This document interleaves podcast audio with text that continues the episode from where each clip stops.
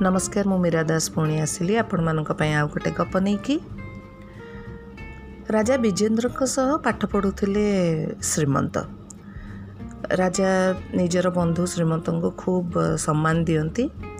ଶ୍ରୀମନ୍ତ ଗୁରୁକୁଳରେ ଗୁରୁ ଭାବେ ଅଧ୍ୟକ୍ଷତା କରୁଥିଲେ।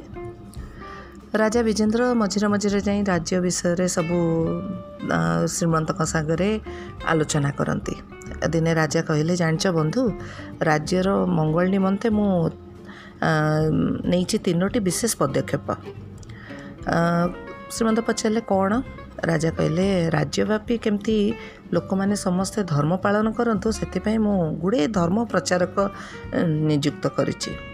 ଆଉ ସବୁ ଲୋକଙ୍କୁ ଏଇଟା ବି ଜଣେଇ ଦେଉଛି ଯେ ଯଦି ତୁମେ ଧର୍ମର ପାଳନ ନ କରିବ ତାହେଲେ ତୁମ ଅଗେନଷ୍ଟରେ କେମିତି ଷ୍ଟ୍ରିକ୍ଟ ଆକ୍ସନ୍ ନିଆଯିବ ତୁମକୁ ଫାଇନ୍ କରାଯିବ ତୁମକୁ ଦଣ୍ଡ ଦିଆଯିବ। ଦ୍ୱିତୀୟରେ ହେଉଛି ସମସ୍ତେ ଯେମିତି ଗୋଟେ ସଭ୍ୟ ସୁଧାରର ଆଚରଣ କରିବେ ସେଥିପାଇଁ କି ସର୍ବସାଧାରଣ ଉଦ୍ୟାନ ବା ପବ୍ଲିକ୍ ଗାର୍ଡ଼େନ୍ ମନ୍ଦିର ଏଇସବୁ କେମିତି ପରିଷ୍କାର ରହିବ ସେଠି ସମସ୍ତଙ୍କୁ ଷ୍ଟ୍ରିକ୍ଟ ଇନଷ୍ଟ୍ରକ୍ସନ୍ ଦିଆଯାଇଛି। ଆଉ ଯିଏ ନ ମାନିବ ତାକୁ ଦଣ୍ଡ ଦିଆଯିବ। ଆଉ ତୃତୀୟରେ ହେଉଛି ମୋର ଏଇ ଯେଉଁ ରାଜ୍ୟ ଦେଖୁନ ତା ଚାରିକଟେ ମୁଁ ଗୋଟେ ଏତେ ଉଞ୍ଚା ପାଚେରୀ କରିଦେଇଛି ବହୁତ ପଇସା ଖର୍ଚ୍ଚ କରିକି ସେ ପାଚେରୀଟି ବନେଇଛି। ଆଉ ସେ ସାମ୍ନାରେ ଟ୍ୱେଣ୍ଟି ଫୋର୍ ଆୱାର୍ସ ଚବିଶ ଘଣ୍ଟା ସେଠି ଗାର୍ଡ଼ମାନେ ଅଛନ୍ତି। ସେ ଗାର୍ଡ଼ମାନେ ସନ୍ଧ୍ୟା ହେବା ପରେ କାହାରିକୁ ଆଉ ଗଡ଼ ଭିତରକୁ ପଶିବାକୁ ଦେବେନି। ଶ୍ରୀମନ୍ତ କହିଲେ ବା ବଢ଼ିଆ ତ ତୁମେ ବଢ଼ିଆ ନିୟମ ସବୁ କରିଛ। କିନ୍ତୁ ରାଜା ଭାବରେ ତୁମେ ଗୋଟେ କାମ କର ଆମେ ଖାଲି ନିୟମ ଲଗାଇଦେଲେ ହେବନି ଚାଲ ମିଶିକିରି ଦେଖିବା ସତରେ ନିୟମ ଗୁଡ଼ିକ ପାଳନ ହେଉଛି କି ନାହିଁ। ରାଜା କହିଲେ ଠିକ୍ ଅଛି ଚାଲ। ଦୁଇ ବନ୍ଧୁ କ'ଣ କଲେ ଦିନେ ସନ୍ଧ୍ୟାବେଳେ ନିଜର ବେଶ ବଦଳେଇ ସାଧାରଣ ନାଗରିକ ଭାବରେ ଚାଲିଲେ ରାଜ୍ୟ ସାରା ବୁଲିକି ଦେଖିବା ପାଇଁ।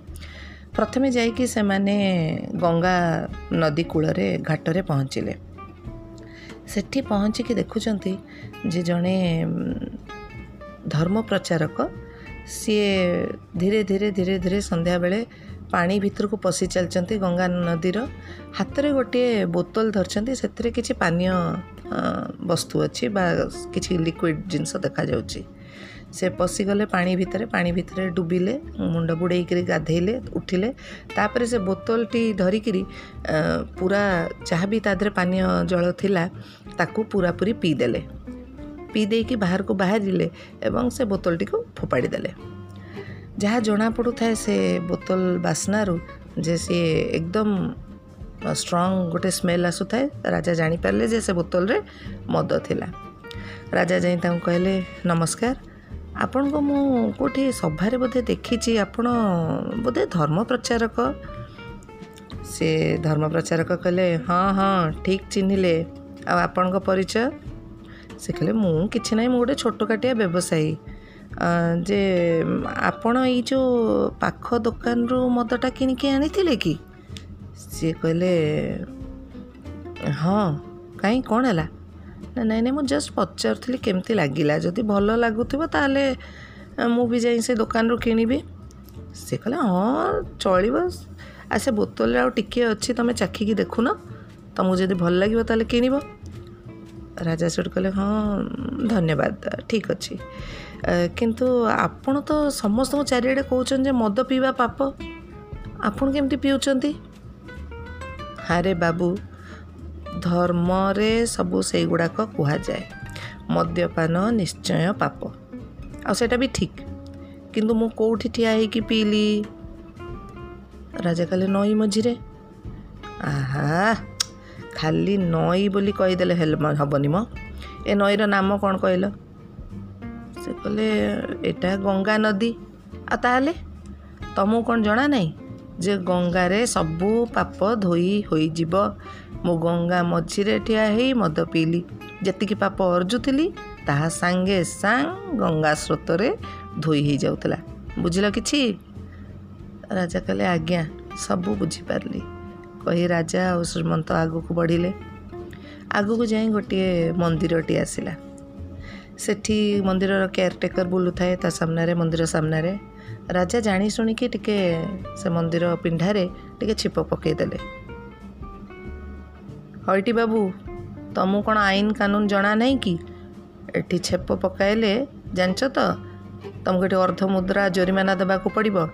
ମାନେ ସପୋଜ୍ ହାଫ୍ ରୁପି ବା ଫିଫ୍ଟି ପଇସା ଜୋରିମାନା ଦେବାକୁ ପଡ଼ିବ। ସିଏ କହିଲେ ଆଜ୍ଞା ମୁଁ ଜାଣିନଥିଲି ମୁଁ କ'ଣ କରିବି? ମୁଁ ଜାଣିନଥିଲି ନିୟମ କାନୁନ ବିଷୟରେ। ଆଜ୍ଞା ମୋତେ ଛାଡ଼ି ଦିଅନ୍ତୁ ସେ କହିଲେ ଶୁଣ ଛାଡ଼ିବାର ତ ପ୍ରଶ୍ନ ଉଠୁନାହିଁ ତୁମକୁ ଜୋରିମାନା ଯେମିତି ହେଲେ ଦେବାକୁ ପଡ଼ିବ ଜଲ୍ଦି ଜଲ୍ଦି ଦିଅ ସେ କହିଲେ କିନ୍ତୁ ମୋ ପାଖରେ ତ ସେମିତି ପଚାଶ ପଇସା ନେଇ ଗୋଟେ ଟଙ୍କିକିଆ ଅଛି ନା ଚଳିବ ଚଳିବ ଟଙ୍କିକିଆ ଦିଅ ସେ ଦେଲେ ରାଜା ତାପରେ କହିଲେ ଆଉ ଆପଣ ମୋତେ ଫେରଉନାହାନ୍ତି ପଚାଶ ପଇସା ସେ କହିଲେ ଶୁଣ ମୋ ପାଖରେ ବି ନାହିଁ ପଚାଶ ପଇସା ସେ କହିଲେ ତାହେଲେ କ'ଣ କରିବି? ମୁଁ ତାହେଲେ ଅପେକ୍ଷା କରିଛି ଆପଣ ଯାଆନ୍ତୁ କେଉଁଠୁ ପଚାଶ ପଇସା ଆଣିବେ ତାପରେ ମୋତେ ଫେରାଇବେ। ସେ କହିଲେ ଆରେ ମୁଁ ଏତେ କଥା କରିପାରିବିନି। ଦେଖ ଅଯଥାରେ ଡେରି ହେବ। ଗୋଟେ କାମ କର ତୁମେ ଆଉ ଥରେ ଛିପ ପକାଇ ଦିଅ। ପଚାଶ ପଚାଶ ଟଙ୍କାଟେ ହେଇଯିବ ବାସ୍ ଗଲା। ତୁମକୁ ବି ଅପେକ୍ଷା କରିବାକୁ ପଡ଼ିବନି ଆଉ ମୋତେ ବି ଅପେକ୍ଷା କରିବାକୁ ପଡ଼ିବନି। ରାଜା ଆଶ୍ଚର୍ଯ୍ୟ ହୋଇ ତାଙ୍କୁ ଅନେଇଲେ ସେ କେୟାରଟେକର୍କୁ କ'ଣ କରିବେ? ଟଙ୍କାଟେ ନେଇକି ସେ ଲୋକ ଗଲା। ରାଜା ଏତିକି ସବୁ ଦେଖିକି ଅଲରେଡ଼ି ତାଙ୍କ ମନଟା ବହୁତ ଦୁଃଖ ହେଇସାରିଲାଣି ଲାଷ୍ଟକୁ ସେତେବେଳକୁ ରାତି ହେଇଗଲାଣି ସେ ଆସିଲେ। ଗଡ଼ ଭିତରକୁ ଏଣ୍ଟ୍ରି ନେବେ ତ ସେଇଠି ଯେଉଁ ଗାର୍ଡ଼ ଥାଏ ସେ ତାଙ୍କୁ ଅଟକେଲା କହିଲା ଓଇ ଆଉ ଏବେ ପଶିପାରିବନି ଗଡ଼ ଭିତରକୁ। ରାଜା କହିଲେ କାହିଁକି?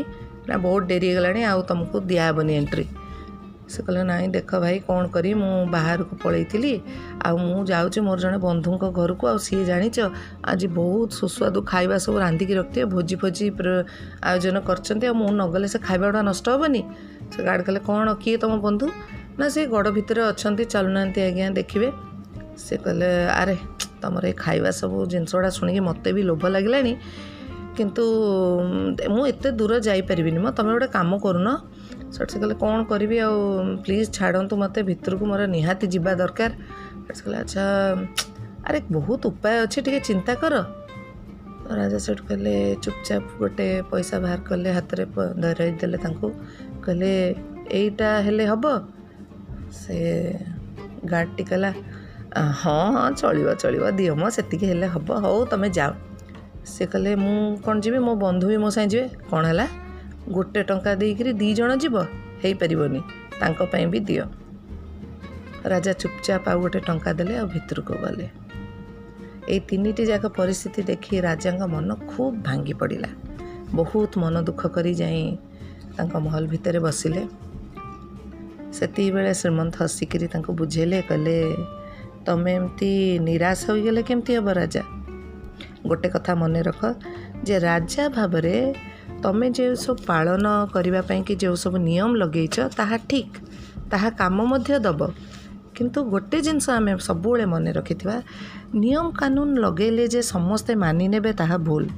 ମଣିଷ ଯେପର୍ଯ୍ୟନ୍ତ ନିଜ କନସିୟସନେସ୍ରେ ତା'ର ସେଇ ସବୁକୁ ନ ଘର କରିଦେବ ସେଇ ନିୟମ କାନୁନର କ'ଣ କ'ଣ ଫାଇଦା ଅଛି ସେଇଟା ଯେପର୍ଯ୍ୟନ୍ତ ନ ବୁଝିବ ସେ ପର୍ଯ୍ୟନ୍ତ କୌଣସି ନିୟମ କାନୁନ ଲଗେଇଲେ ବା ଫାଇନ୍ ଲଗେଇଲେ କୌଣସି ମଣିଷ ପରିବର୍ତ୍ତନ ହେବ ନାହିଁ। ଏସବୁ କିଛି ହେଉଛି ଆମର କନସିୟସ୍ ମାଇଣ୍ଡରେ ଆମେ ଯଦି ନିଜକୁ ବୁଝେଇବା ଯେ କେଉଁଟା ଠିକ୍ ଆଉ କେଉଁଟା ଭୁଲ ତାହେଲେ ଯାଇ ଆମେ ସେ ନିୟମଟାକୁ ପାଳନ କରିପାରିବା ରାଜା ଟିକେ ଆଶ୍ୱସ୍ତ ଫିଲ୍ କଲେ ଟିକେ ଭଲ ଲାଗିଲା ତାଙ୍କୁ ଆଉ ସିଏ ମଧ୍ୟ ବୁଝିପାରିଲେ ଯେ ଖାଲି ନିୟମ କାନୁନ ଚାଲୁ କରିଦେଲେ ସମାଜ ବଦଳିଯିବ ତାହା ଠିକ୍ ନୁହେଁ କି ଗୋଟେ ବହୁତ ବଡ଼ ପାଚେରୀ ତିଆରି କରିଦେଲେ କୋଟି କୋଟି ଟଙ୍କା ଲଗେଇକି ଯେ ସବୁକିଛି ହେଇଯିବ ସେଇଟା ବି ଠିକ୍ ନୁହେଁ ବେଳେବେଳେ କୋଟି କୋଟିଏ ଟଙ୍କାର ପାଚେରୀ ବି ଜଷ୍ଟ ଦୁଇଟି ଟଙ୍କା ପାଇଁକି ସେ ପାଚେରୀର ଆଉ ଭ୍ୟାଲ୍ୟୁ ରୁହେନି। ତ ଆଜି ପାଇଁ ଏତିକି। ମୁଁ ପୁଣି ଥରେ ଆସିବି ଆପଣମାନଙ୍କ ପାଇଁ। ଆଉ ଗୋଟେ ଗପ ନେଇକି। Bye bye